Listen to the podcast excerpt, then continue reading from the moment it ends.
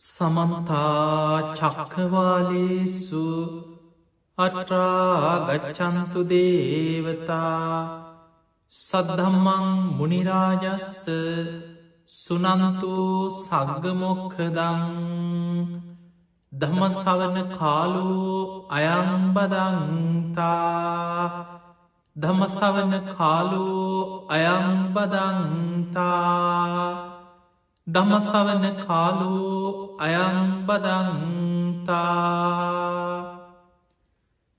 නමුතස්ස භගවතු අරහතු සම්මා සම්බුද්ධස්ස නමුතස්ස භගවතු අරහතු සම්මා සම්බුද්ධස්ස නමුතස්ස භගවතු අරහතු සම්මා සම්බුද්ධස්ස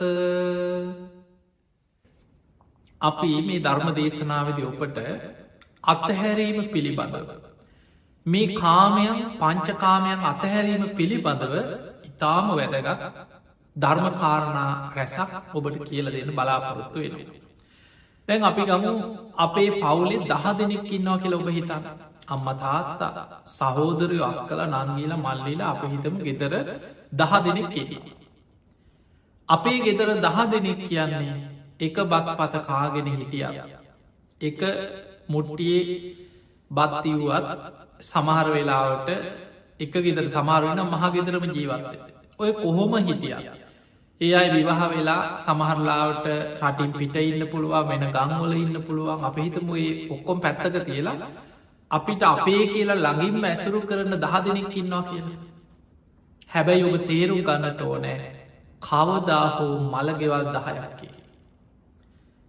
කාට කවද කොතන කොයි මොහොතේ මරණ ඉස්සර වෙනවාද කියලා අපි කවුරුත් දන්න. මරණය කියන්නේ තැනක් නෑ කුලබේද ජාතිබේද වර්ණබේද ගෝත්‍රබේද පුද්ගලයා මෙයා පොහෝසතාද දුප්පතාද ඒ කිසි දෙයක් නෙමෙයි ඉපදුනානම් නත්ති ජාත සමරණ උපන්නාව කිසිම කෙනෙකුට නොමැරීන්න පුළුවන්කමක් නෑ කියල බුදුරජාණන් වහන්ස පෙන්නවා. තිය නිසා මේ මරණයත් එක් අපි ජීවත්තේ දැ කෙනෙකුට හිතෙන්න්න පුළුවන් මේ බුදු දහම ගැන ධර්මී ගැන ගැඹුරු අධ්‍යයනයක් නොකළ බොහෝ දෙනෙක් පිටිම් බලලා හයිෝයි බුදු දහමම අනිත්‍යය අනිත්‍යය අනිත්‍යයි. අසුබය මැරෙනවා මැරෙනවා.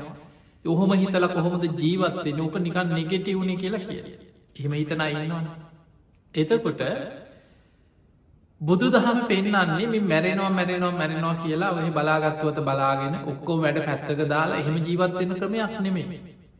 බුදු දහම තමයි යථාර්ථය හිතලා අප්‍රමාදීව ජීවිතයේ කුසලේට අරගෙන යන.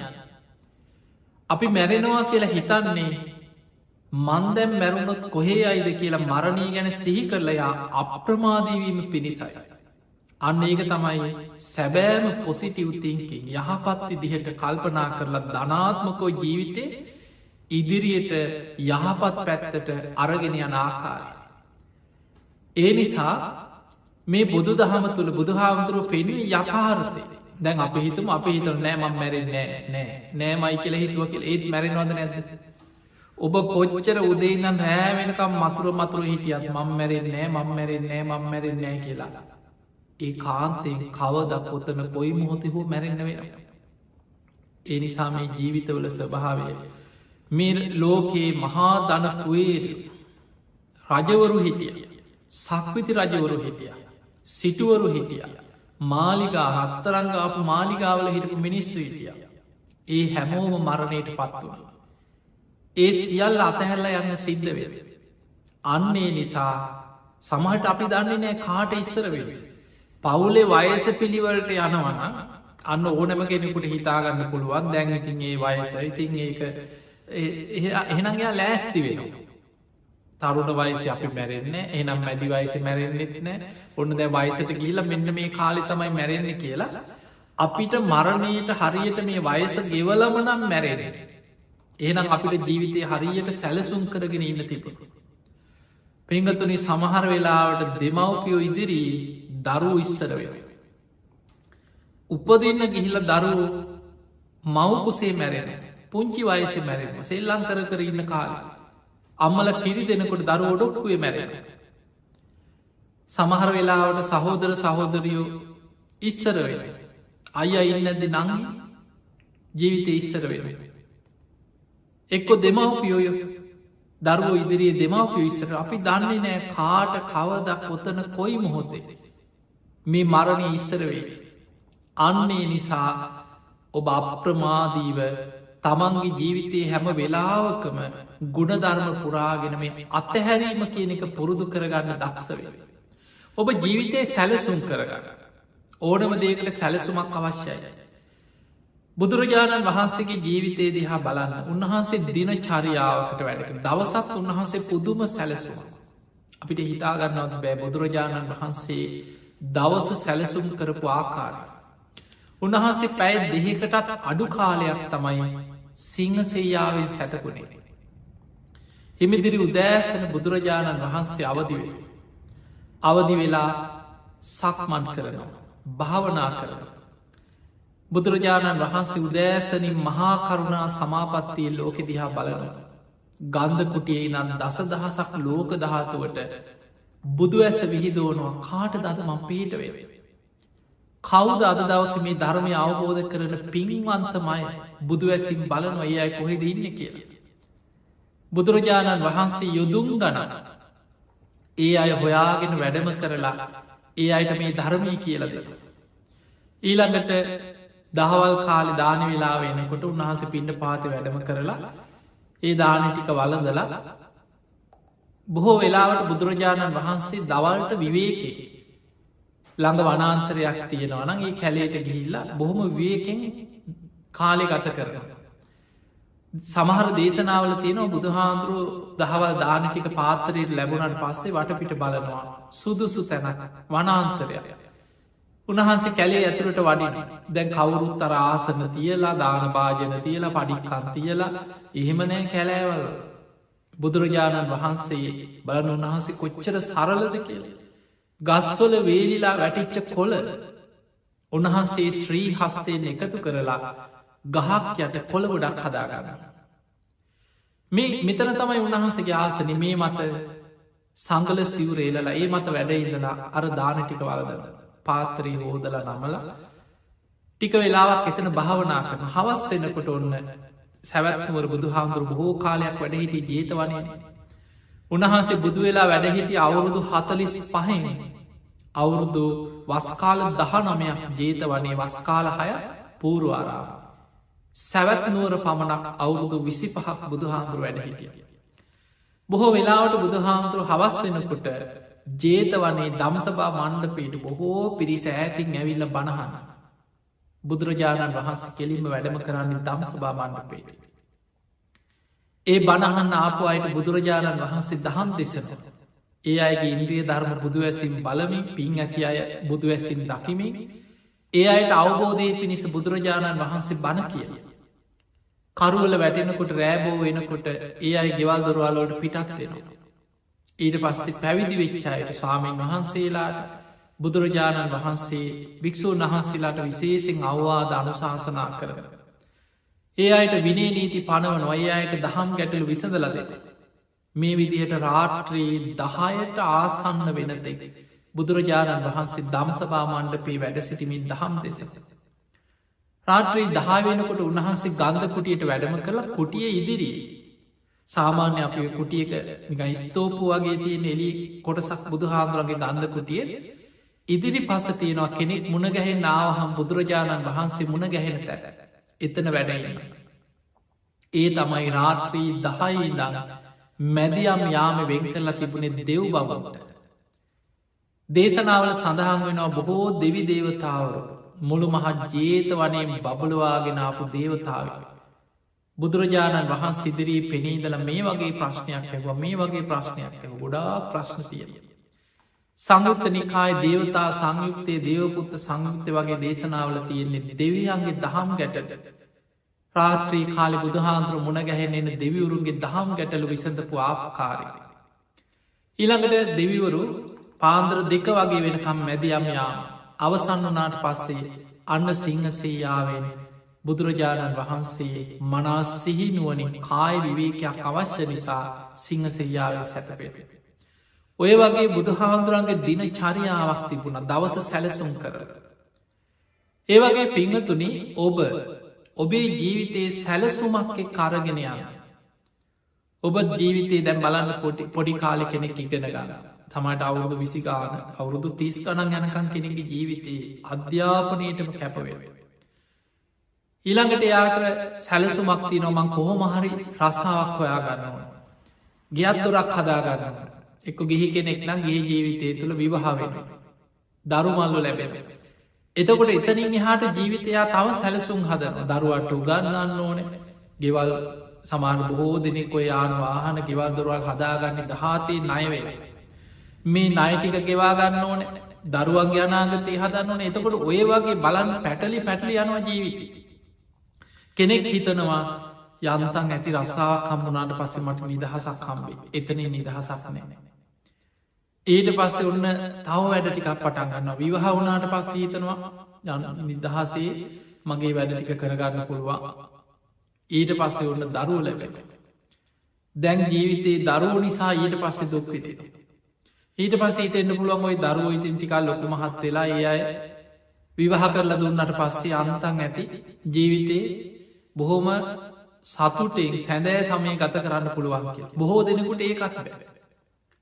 දරුව ලොකු මහත් වනාට පස්සේ ඔන්න එතනින් තවත් ඇලෙනවා. එක්කො දරුවන්ගේ දරුවන්ට.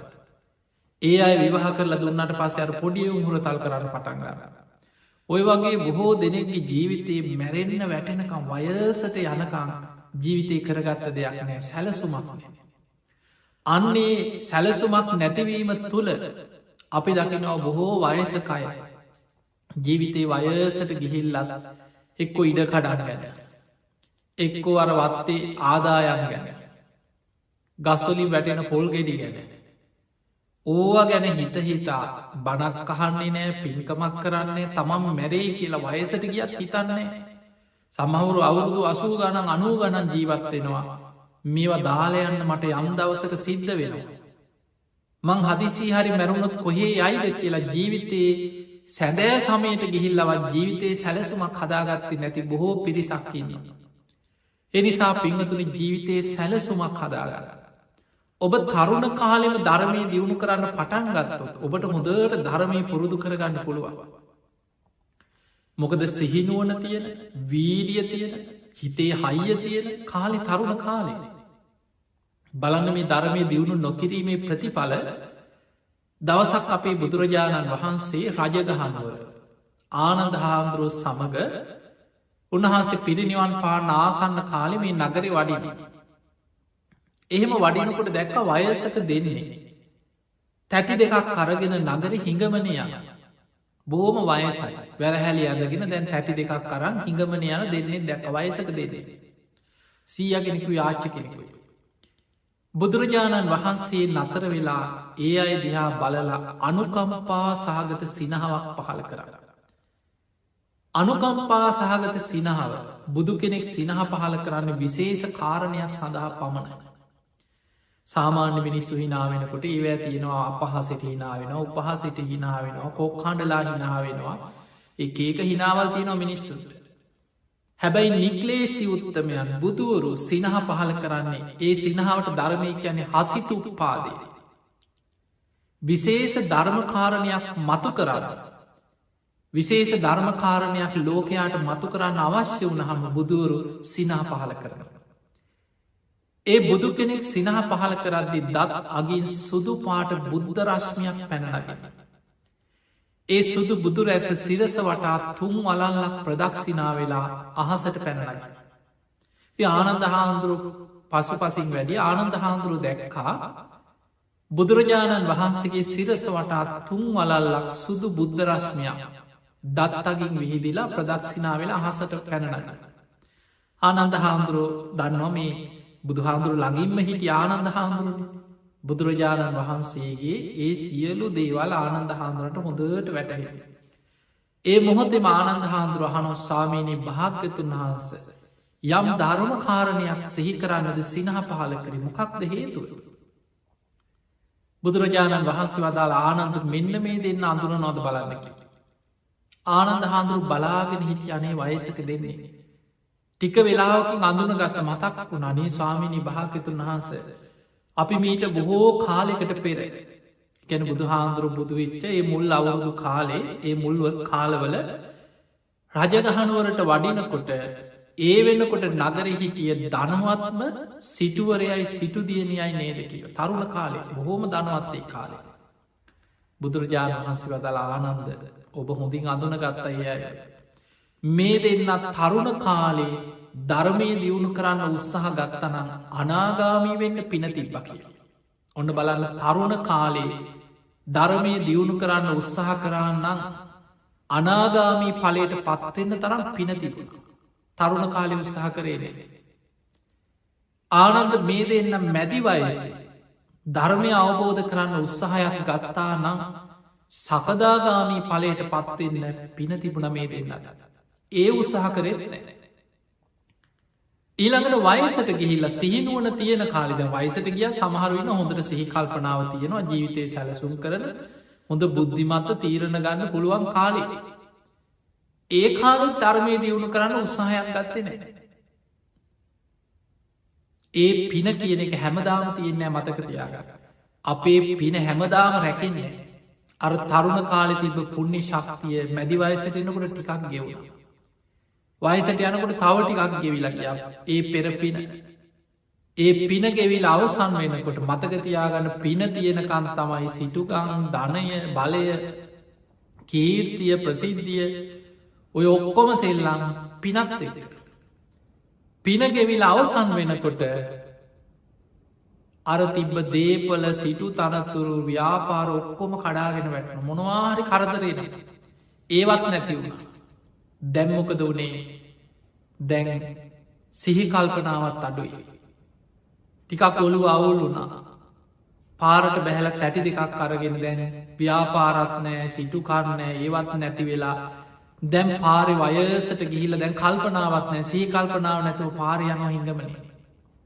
දැන් හිතන්න මේ අනාගාමී වෙන්න පින තිබ්බ දෙන්නෙක් තරුණ කාල. මැදිවයසේ හරි ධර්මී දියුණු කරානම් සකදාගාමි වෙන්න පින තිබ වයසට ගිහින් සිහිනුවන තියෙන කාලි ධර්මය දියුණු කරාන අඩ්ඩු ගාලි සුවාන් වෙන්වත් පින ඒ පිනත් නැත ඒ නිසා මතක තියාගන්න ජීවිතයේ ධර්මය අවබෝධ කරන්න පින තියෙන බොහෝ දෙනෙකුට උත්සාහ නොකිරීම නිසා ඒ අවස්ථාව ගිලිහිලා යන. බුදුරජාණන් වහන්සේ නිරන්තරෙන් භික්‍ෂූන් වහන්සේලාට පෙන්න්නපු කාරණයක් කනෝ වෝමා උපච්චක. කනා තීතාහි සෝචන්තී නිරයම්පි සමප්පිතා. මහනෙන මේ ලැබිච්ච උතුම් මොහොත නං අත් නොහැරේවා. නුබලාට ධර්මය අවබෝධ කර ගැනීම පිණිස මේ ලැබිලතියන උතුම් අවස්ථාවක් ක්ෂණ සම්පත්තිය. මේ ලැබිච්ච උතුම් මොහොත නුබලාට අත් නොහැරේවා. ඒ අවස්ථාව අතහැරගත්ත බොහෝ පිරිසක් පස්සේ අපායවල්වල වැටිලා සෝක කරනවා දුක්වෙන වනේ අපිට කරගන්න බැරිවුනා කිය. ඒ නිසා පිංහතුනේ සිහිනුවන තියෙන කාලය යමක් කරන්න පුළුවන් කාලය ඇගේ පතේ හයිය තියෙන කාලා. මේ කියන බණටික අහගෙන හොඳට කං ඇහෙන ඇස් පේනවා තේරෙනවා. තමාතුළින් විමසල බලන්න පුළුවන්. ඒ කාලෙ අප්‍රමාදීව ධර්මය දියුණු කරන්න ඔබ උත්සාහයක් ගන්න. ඔබේ ජීවිතයේ සැලසුම් කරන්න හැම වෙලේම හිතන්න මරණයට වයසක්නෑ දැම්මම් මැරුණුත් කොහේ අයිද. අඩුගාන වයසට ගිහිල්ලව බොහෝ අයදැන් සමහරහයි පුදුමයි කියන වයසට ගිය සමහරයිට ඒත් ගානක් කතන පිනක් කරගන්න ගානක්නේ දන් දෙන්න ගානක්නේ සමට දරුව පින් කරන හරි ආසයි දරුව පින් කරන්න. ඒ දරුව කරන පින් දිහා බල්ල සතුටු වෙන්නවා සමහරුන්ට එහෙම පිනකුත්ත ළමයිට බනි උඹල මේ දුක් විඳල හම්බ කරලා ඔය සල්ලිටික ඉතුරු කරගනි. ඔය ඒ කාට පුදරණ යනකං කියලා අනි අර දරුවන්ට බනි සමහර දරුව අපි හොඳට දන්නවා. සමහර දරුවෝ දෙමව්පියන්ට හොරෙන් ඇවිල්ල පින්කං කර දෙමව්පියන්ට ආශීර්වාද කළ පින්කං කරනවා දෙමව්පියන්ට කියන්න හැ ඒ ආරංචිවුණු බනිනවා අනි අර කරගත්ත පිනේ විපාකක් නැතිවේ කියල ඒත් බය එතකොට ඒ වගේ ජීවිතය මතක තියාගන්න අපි කවුරු සසර ඔබත් මමත් අපි කවුරු මේ මනුස්සලෝක ජීවත්වෙන හැමෝම ගත්තොත් එක වගේ නෙමේ. නානත්ත කායා නානත්ත සංඥ. අපි සුරූපයනුත් වෙනස්. අදහස්වලින් ආකල්පවලින් සංසාර පුරුදු සසර දියුණු කරගෙන ආපු දේවල් ඉන්ද්‍රිය දරන මේ හැම දෙයක්ම අපේ වෙනස්කන් තියෙන. ඒ නිසා ඒ ඒ පුද්ගලයන්ගේ සංසාර පුරුදු සසරි අපි අරගෙන යන. ඒ නිසා මතකතියාගන්න ඔබ උත්සාහ ගන්න තැන් මේක පෙර කරුමි කියලා කර්මයටම බාර දෙන්න කියලනම මේ කියන්න. ඔබට පුළුවන් වීරියෙන් කර්මය වෙනස් කරත්. ඒ වෙනස් කරන්න පුළුවන් නිසානේ උපන්නා වූ අකුසල් ප්‍රහාණය කරන්න. නෝපන් අකුසල් නූපදවන්න. උපන් කුසලේ බලවත් කරන්න නෝපන් කුසල් උපදවන්න. සතර සම්යක් ප්‍රධාන වීරිය බුදුහාන්දුරුව පෙන්නුවේ අකුසල් ප්‍රහාණය කරලා කුසල් දියුණු කිරීම පිණිස ඇති කරගන්න වීරී. එහෙමනං එවැනි වීරියක් අපිට ගන්න පුළුවන් වෙලා තියෙන්නේ. අපිට පුළුවන් කර්මය වෙනස් කරන්න. ඒ කර්මය වෙනස් කරන්න තියෙන්නේ උත්සාහයෙන් වීරියෙන් නුවනින්. මේ ධර්මය තුළ පෙන්න්නනවා වචන තුනක්. ආතාපි සම්පජානෝ සතිබි. ආතාපි කියන කෙලෙස් සවන වීරී. සම්පජාන කියන හොඳ නුවනක් තියෙන්නවා. සතිමා කියන හොඳ සීයක් පවත්ව ගන්න. සතර සතිපට්ඨානය තුළ පිහිටි එළඹ සිටි සිහිය. ඒ ඒ මොහොතේ හොඳ සිහියෙන් කටයුතු කරන්න තරම් සිහිනුව නැති කෙනෙක් බවට පත්තේ. ඔන්න ඔය කරුණු තුන වීරිය නුවන සිහිය. ඒ නුවනින් තමයි ධර්මයත් එක ගලපල බලල. අපි කරන හැම දෙයක්ම ධර්මයට අනුව විමසන. අපි එකට කෙන යෝනිසෝ මනසිකාරයද මේක කුසල්ද අකුසල්ද. මේ දේ හොඳද නරක මේක යහපතක් වෙනවද අයහපතක් වෙනවද. මං මේ දේ කරොත් මේක විපාක මට සසරි අරගෙන යන්න වෙනවා කියලා ධර්මයට අනුව ගලපා බලල හැකියා ඒකට කියෙන සම්පජා එහෙම ගලපල බලලා ඒක වැරැත් දක්නම් අකුසලයක් නම් තමන්ටත් හානියක් නම් අනුන්ටත් හානියක් නම් ඒදෙන් වලකින්න වීරිය තියෙන්නවා. ඒ වීරියෙන් තමයි අකුසලෙන් මිදිලක් කුසලට ඊළඟට ඒ හැම දේකටම හොඳ සිහිය පවත්වන්න දක්ෂ වෙනවා.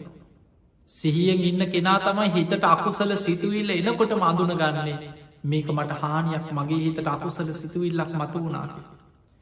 ඒ නිසා පිංහතුනි සිහිය නුවන වීරිය කියන මේ කරුණු තුන අපි කාටත් අවශ්‍යයි ජීවිතයේ යහපත් මාර්ගයකට සැලසුම් කරගන්න.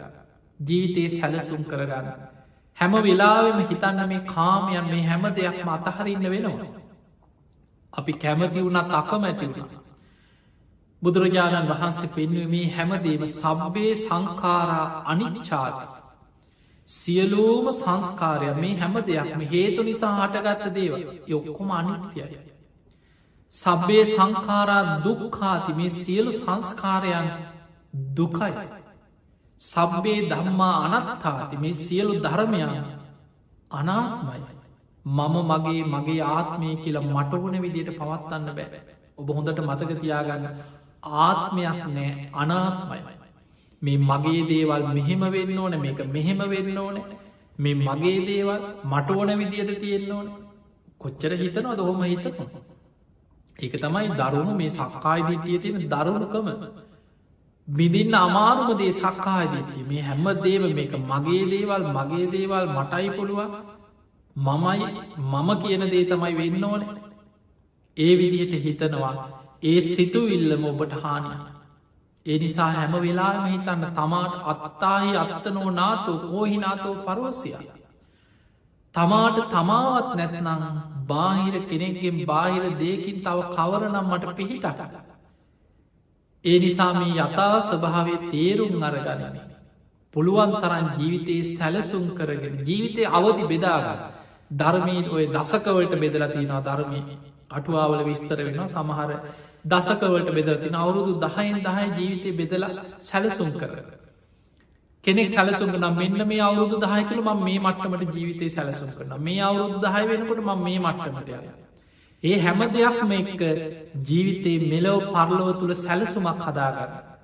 සසර ගමනේ බය දකින කෙනා අනිත් හැම දේකටම වඩා ධර්මය අවබෝධ කරන්න මුල් තැන දෙෙන. ඒ පිණිස ඔබේ ජීවිතය එදිනතා පුරුදු කරගතයි. කාරණ පහ මෙන්න මේ කරුණු පහුදට මතකතියාග. බුදුහාදුර එක තැනක පෙන්වම ආනන්දය ආනන්ද හාදුරන් දේශනා කර ආනන්ද ඔබ ඔබේ දෙමවපියන්ට ආදරෙන. ඔබේ ඥාතීන්ට ඔබ හිතවත්ව. ඔබේ දරුවන්ට එක්ක සාමියෙක් නම් බිරිඳට බිරිඳක් නම් ස්වාමියකුට ඔබ හිතවත්න එක්ක සහෝදරයකුට ආදරයක් කරුණාවක් අනුකම්පාවක් සෙනෙහි මාත්‍රයක් හරි තියෙනවන. ඒ අය ඔබේ වචනයට ඇහුම් කන් දෙනවන. ඒ සියලු දෙනාම තිසරණය පිහිටවල්. ඒ අය තුළ කරුණු පහක් ඇති කරලා දෙන. ඒ තමයි සද්ධහා සීල සුත තියාග ප්‍රඥා කියන මේ කාරණා පහ. දැම් බලන්න මේ ධර්ම දේශනාව සිදු කරනයේ පින්බර දායකත්ත දරන දරුවන් ඔස්ටේරියාය පදිංචිව හිටිය ලංකාවන්න තමන්ගේ දෙමවපියෝ ගැන හිතන අනේ මේ අයට ආශිරවාද කරන්නවා. මේ අයට බණපදයක් අස්සන්න අනිත් අයටත් ධර්මදානය ලබලදීලා ඒ අයට ඒ පින් අනුමෝදන් කරන්නට ඕට. මතක තියාගන්න පිනාතර අග්‍රම පිණි. සබ්බ දහනන් දම්මදානන් ජිනාති කිය. බුදුහාන්දුරුව මේ උපමාවකින් පෙන්නවා මේ ධර්මදානය වටිනාකමයි. එක උපමාවක් තියෙනවා කෙනෙක් අපි නිකන් කතාවට කියන්නේ අහස වසට අටපිරිකර කන්දක් කියලා. අහස උසටම අටපිරිකර කන්දක් ගොඩ ගහන ලේසිනේ නමුත් අප අර ලොකු අටපිරිකර ගොඩක් දැක් හම කෙනෙක් හිතනවා අහස උසට අටපිරිකර කන්දක් කිය. තුර බුදුරජාණන් වහන්සේ උපමාවට පෙනවා ඒ කාලේ තමන්ට පුළුවන් තර රජවරු ඒ වගේ මහා පින්කං කරලා තියෙන. ඔබහල ඇතින් රුවන් වැලි මහා සෑ ලංකාව පුරාම මල්වව. සමන් ඉත සෑ දෑ සමන් පිච්චමල් ලංකාව පුරා හැම පලාතකම මල් වගා කරවල අමාත්‍යවරු ලවා එකම දවසක මල් ගෙනහල්ලා මුළු රුවන්වැලි සෑම මල්වලින් වහල පූජා කරා භාතිකාබය කියන රජ්ජුරු. රුවන්වැලි මහා සෑය මල් ඔටුන්නකින් සැරසුව කිය. අද අපිට හිත අදවත් කරන්න පුළුවන්ද. එතකොට ඒ වගේ සමහර කරපු පින්කං ගැන අපේ ධර්මි අපේ ඉතිහාසෙ තියෙන. අතීත රජවරු කරපු පින්කා. එදකට බුදුරජාණන් වහන්සේ දේශනා කරනවා ඒ වගේ අට පිරිකර. සිවුරු පිරිකර අහස උසට සිවුරු පිරිකර ගොඩ ගහලා භික්‍ෂූන් වහන්සේලා දිගට වාඩි කරල. මහා සංඝයාට අට පිරිකර පූජාවක් කර. ඒක පිනක්ද නැද පිනක් විශාල පින. එක අට පිරිකරක් පූජා කරත් ඒකෙන් ලැබෙන ආනිසංසේ මෙපමණයි කියල සීමා කරන්න පුළුවන්කමක් නෑ. ඒ නිසා අට පිරිකර පූජාව කියලා කැන විශාල පින. හැබැයි බුදුරජාණන් වහන්සේ වදාළ මහනෙන ඊටත් වඩා විශාල පිනක් සතර පද ගාථාවකින් කෙනෙක් ධර්මයක් දේශනා කරවනු. බණක් කියන. එක්ක බණක් කියවන. තව පිරිසකට බණක් අහන්න සලස්සනවා. සතර පද ගාථා. සතර පද ගාථාවක් කියන්නේ දැම්මී කියන වගේ මේ පැයක විතර කරුණු විස්තර කර කර කරන බණක් නෙමේ. ඔයි දම්ම පදේතිය පදහතර ගාථාවකට එන්නේ පදහතර. එතකොට සතර පද ගාථාවකින් කෙටියෙන් හකුලෝල බණක් කිය. අරහස උසට අට පිරිකර කන්දක් පූජ කරනවට වඩා විශාල පිනක් සතර පද ගාථාවකින් බණකීමෙන් රැස්වෙනවා කියල බුදුරජාණන් වහන්සේ වදාර. ඒකට හේතුව හැටියට විස්තර වෙනවා මහනෙනේ මේ ලෝකෙ මිනිස්සු එකාට පිරිකරක් පූජ කරන්න හරි කාට හරි දානයක් දෙන්න පෙළබෙන්නේ බණක් ඇහුවොත් තමයි කිය. ඔබ මතකතියාගන්න මේ ලෝකයේ දැක් අදාපිට බණ ඇහෙන නිසා මේක ගානක් නෑ. නිතර බණ ඇහෙනවා පුංචි කාලේ නම් පිම්පව් කුසල් අකුසල් හොඳ නරක ගැන ඇහෙනවා.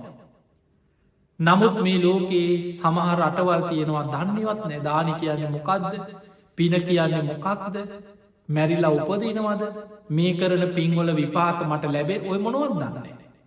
මෙලෝ පරලෝ විශ්වාසයක් නෑ පින්පව් විශ්වාසයක් නෑ කර්ම කරම්පල විශ්වාසයක් නෑ නියත මිත්‍යා දෘෂ්ටියෙන් යුක්ත කොච්චර ලෝක මිනිස්සු ජීවත්වෙන රටවල්.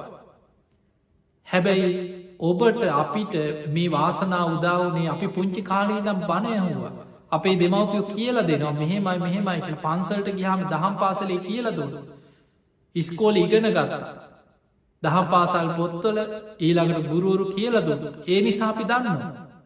එතකොට යමෙක් සතර පද ගාථාවකින් හරි බණක් කියනවනම් අහස උසට අටපිරිකර කන්දක් පූජ කරනවට වඩා විශාල පිනක්.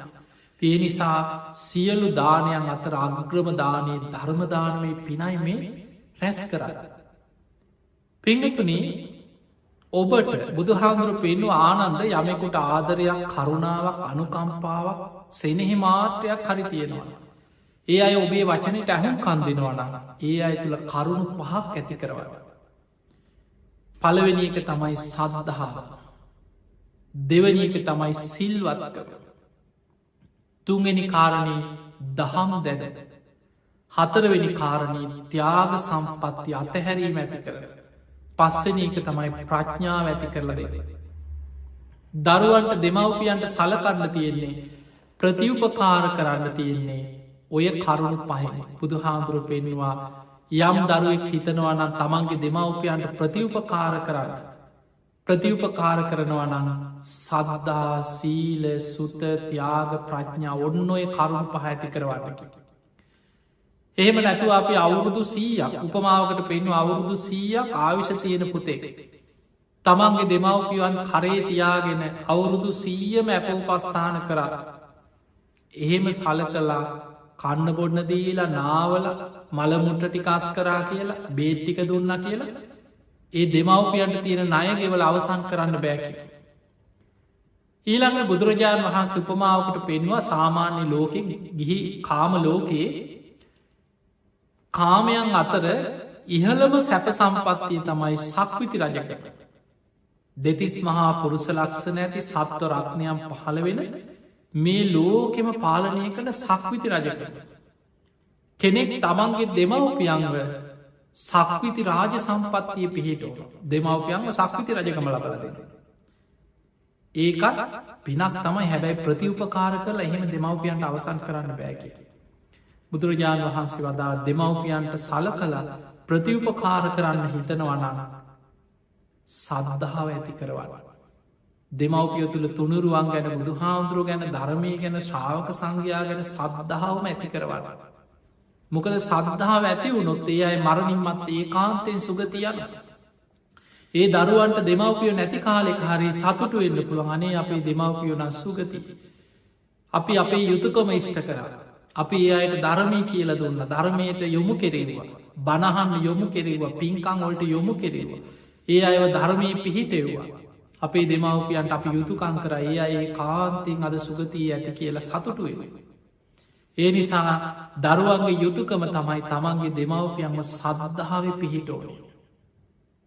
දෙවනික බුදුරජාණන් වහන්සේ වදාළ මහනෙන සමහර දෙමවපියෝ ඉන්නවා වයසට ගිය තමන්ගේ ජීවිතය අඩුපාඩු හදාගන්න කැමතිම නෑ. සමරු බොහොම ඇට්ටරයි බොහොම තදයි.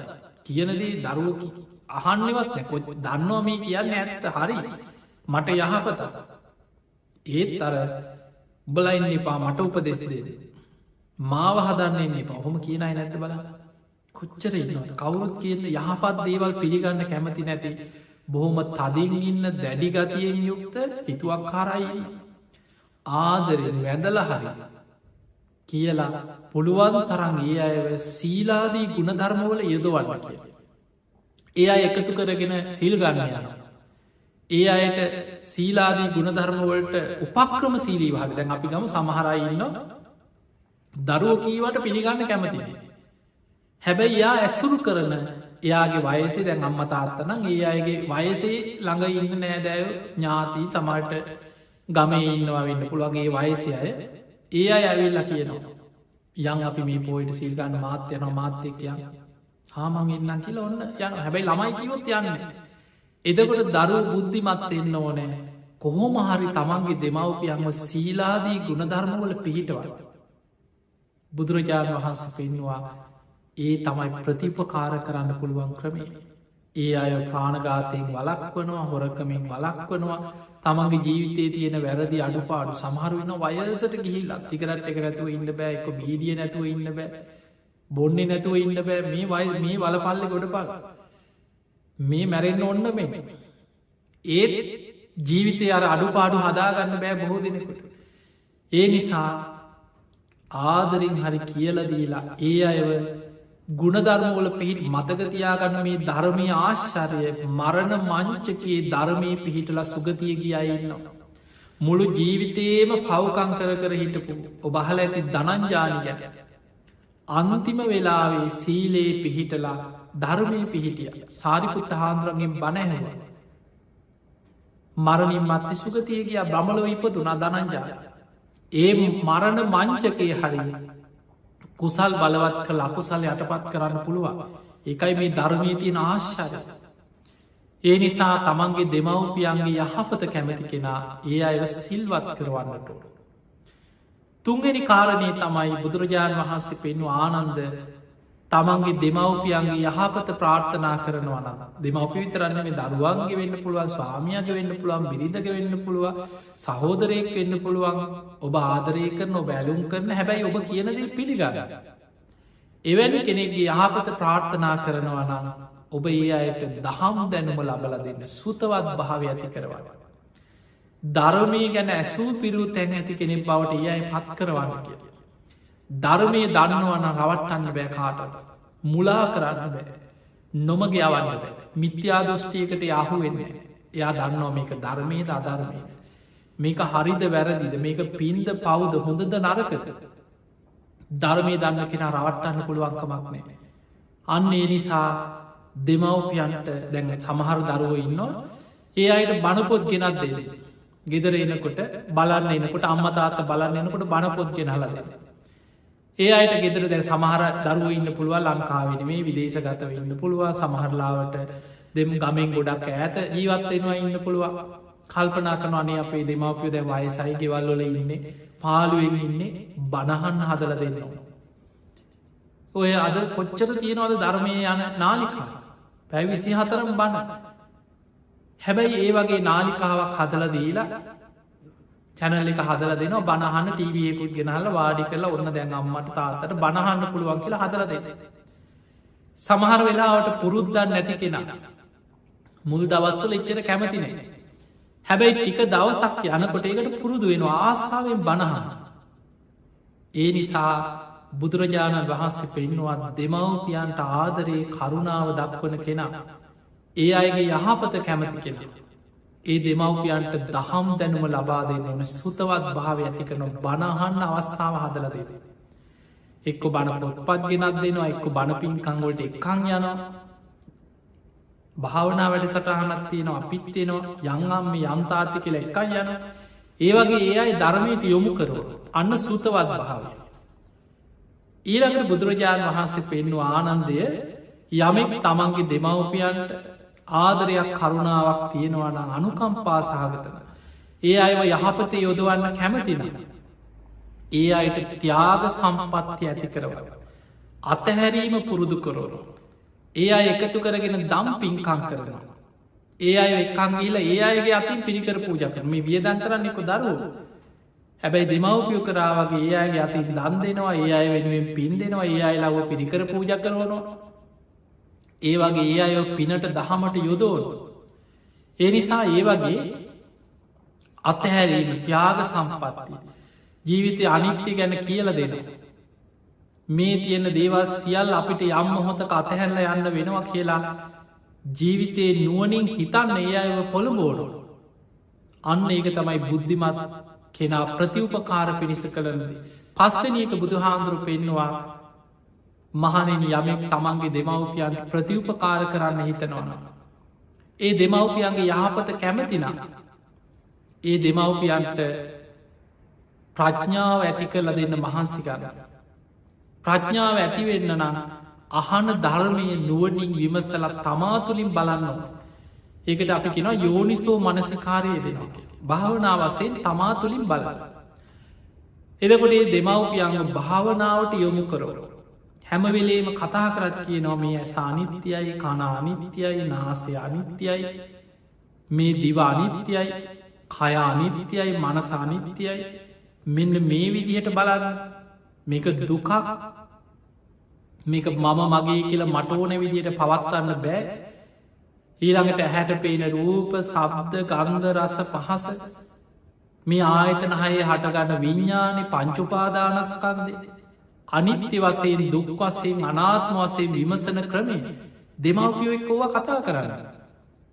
දැ ඔබට සමහරගෙනෙකුට මෙලෝ ධර්මයක් නැති පවූ තියෙනවා. ඒ අයට මේවා නිකම් මැජික් වගේ වෙන්න පුළුවන් ඕවත් පුළුවන්ද ඔහොමත් දිවල්වල බණ කතා කරගෙන ඉන්න පන්සලද්ද මේක එහෙම හිතෙන අයන්න. මතකතියාගන්න මේ වර්තමානි ගිහි ජීවිත ගත කරන අය අතර. අපි දන්න අපේ බණහන අපේ පිමිකංගොලටේන බොහෝම සත්පුරුස කල්්‍යානමිත්‍ර පවුල් විශාල පිරිසක් මේ ලෝක ජීවත්වෙන වර්තමාන. දරුවෝ දෙමවපියෝ එකට උදේ නැකිටල බුදුන් අදන්න. එකට ගෙදර භාවනා කර. ගෙදර ඔය සමාට දැන් දේශපාලන දේවල් මේ කාලුවෙන චන්ද ඒවා ගානක් කතනෑ. දවසම බණහනවා බණ ධර්ම සාකච්ඡා කරන ගෙදර කෑම මේසේහය. අපි දකිනෝ සමහරයි නිකං ගෙදර මොනවහරි වචනයක් කියවුණා. චන්ද ගැන හිත කියනවා මොකක් වෙයිද අනිව්ව කතා කරන්න පා තාතිනික අකුසල් රැස්සෙනවා. අපි වැඩකට ඇඩි දෙයක් කතා කරමු ධර්මයක් ගැන කතා කරමු ඔය වගේ ගෙවල් තියෙනවා. හැම වෙලාවම වචනකින්වත් අකුසලයකට වැටෙන නොමග යන්න දෙන්න හිත. තමන්ගේ හිතට අකුසල් රැස්වෙන දේවල් ගෙවල්වල කතා කරන්නෙම. සමාජ දේවල් කුණු ගොඩුවල් දේශපාල දේවල් අනුන්ගේ ඇදකුද ඒ මොනවත් නැතුව ගෙදර බණහාගෙන ධර්මය කතා කර බොහොම සතුටෙන් එහෙම ජීවත්වෙන පවුල් වර්තමානය නැතුව නෙමේ තියෙනවා. හැබැයි එවැනි පවුල් දැන් එවැනි ජීවිතයක් බුදුහාන්දුරු පෙන්වේ මහනිනි ස්වාමයා සද්ධාවෙන් යුක්තද සිල්වන්තද දහම් දැනම ත්‍යාග සම්පත්තිය ප්‍රඥාව තියෙනවා. බිරිතත් සද්ධාවන්තයි සීලවන්තයි. දහම් දැනම ත්‍යාග සම්පත්තිය ප්‍රඥාවෙන් යුක්තයි. එවැනි අදහස් ගැලපෙන සමසද්ධහා සමසීල සමතියාග සමප්‍රඥා ඇති දෙන්නෙක් ජීවිතය එකතුුණු. ඒ ජීවිත හරියට දෙවියෙක් දිව්‍යාංගනාවක් එක වාසය කරනවා වගේ කිය. පවුල් ජීවිතවල පුදුම සතුටක් ආදරය සැනසීම ඒ හැම දෙයක් මේක බොහෝම සතුටින් ජීවිතය ගත කර.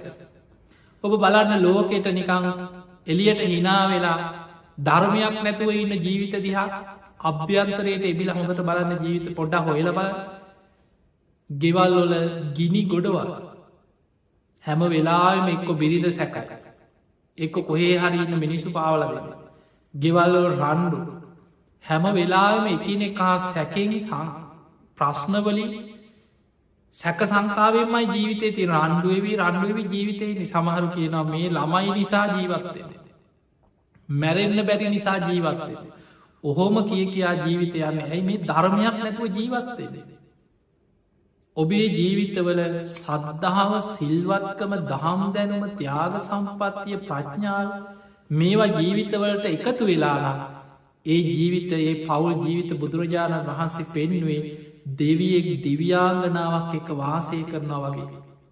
ඒ තුළ බොහොම සතුට සැනසීම ආදරය කරුණාව මෛත්‍රිය මේ හැම දෙයක්ම පිරිච්ච බොහොම ප්‍රබෝධමත් ධර්මානුකුල ජීවිත.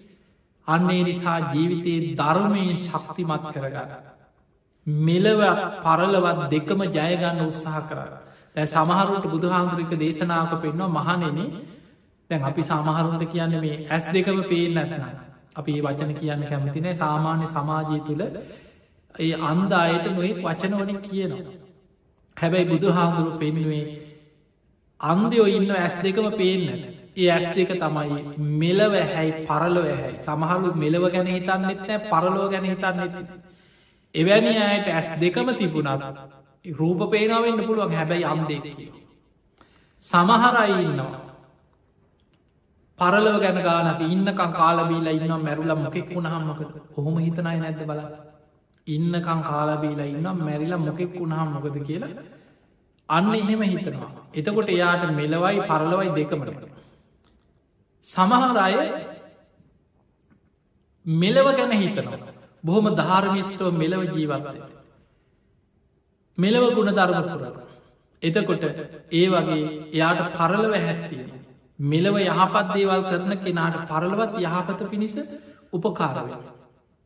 ඒ නිසා පින්වතුන ජීවිතයේ මෙලෝ පරලව දෙකම දෙලවම දියුණුව පිණිස ඔබ ජීවිතය කටයුතු කරන්න දක්ෂවේ.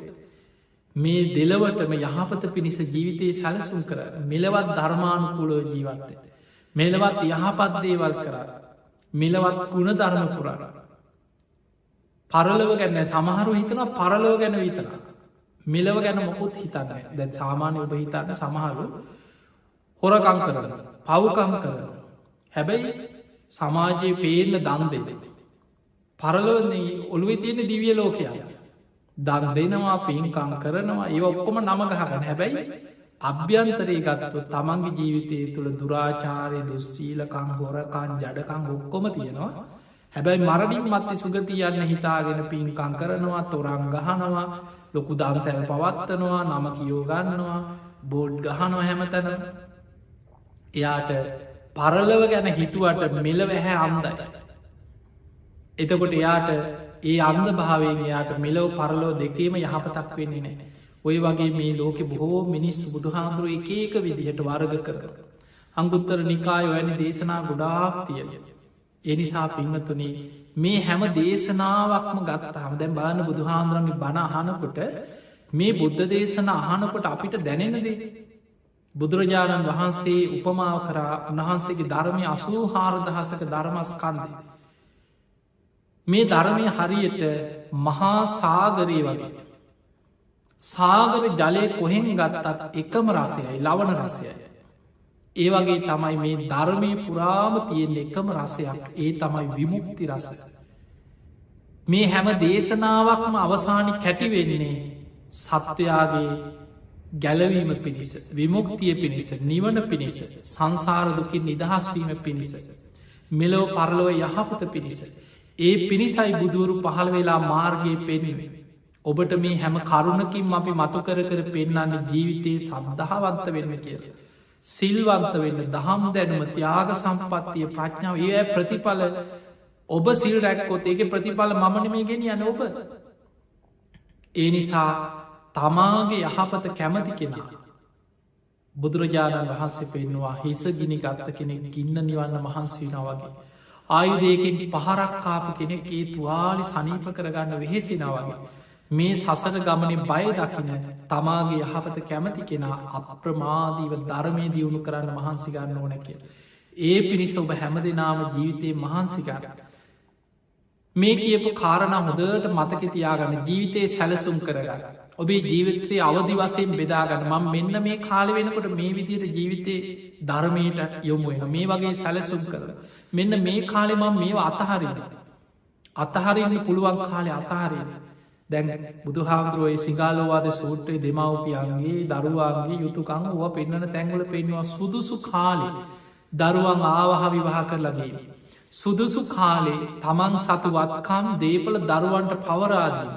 එකැන මේ අතහරන්න කියලා කිය ඒ සුදුසු කාල එනකොට ජීවිතේ ඒවා අතහැරල තමන් සූදානන් වෙනවා තමන්ගේ පරලෝ වෙනුවෙන් ධර්මය ජීවිතයට එකතු කරගෙන. වගකී යුතුකං එක බැඳිච්ච ජීවිතේ අතහරින්න ඕන කාලේව අතහැරලා තමන්ගේ පරලෝ වෙනුවෙන් ජීවිතේ ධර්මානුකුලෝ සැලසුම් කරගන්න. ඒ පිණිස කරුණු පහක් දියුණු කරන්නේ තමයි සද්ධහා සීල සුත ත්‍යාග ප්‍රඥා. ඔබ හැම දෙනාටම මේ ධර්මාණු ශාසනාවෙන් අපි ආශිර්වාද කන ඔබේ ජීවිතය ලාමක ජීවිතයක් බවට පත් නොවී ලාමක මරණයක් අත් කරගන්න නැතුව බුද්ධ ශාසනයක් ලැබිච්ච වෙලාවේ අප්‍රමාදීව සද්ධාදී ගුණ ධර්ම දියුණු කරගෙන. ඔබ හැම දෙනාට මුතුම් ධර්මයම අවබෝධ කරගන්න වාසනාව ලැබේවා ලැබේවා ලැබේවා කියලපි ආශිර්වාද කරගන්න.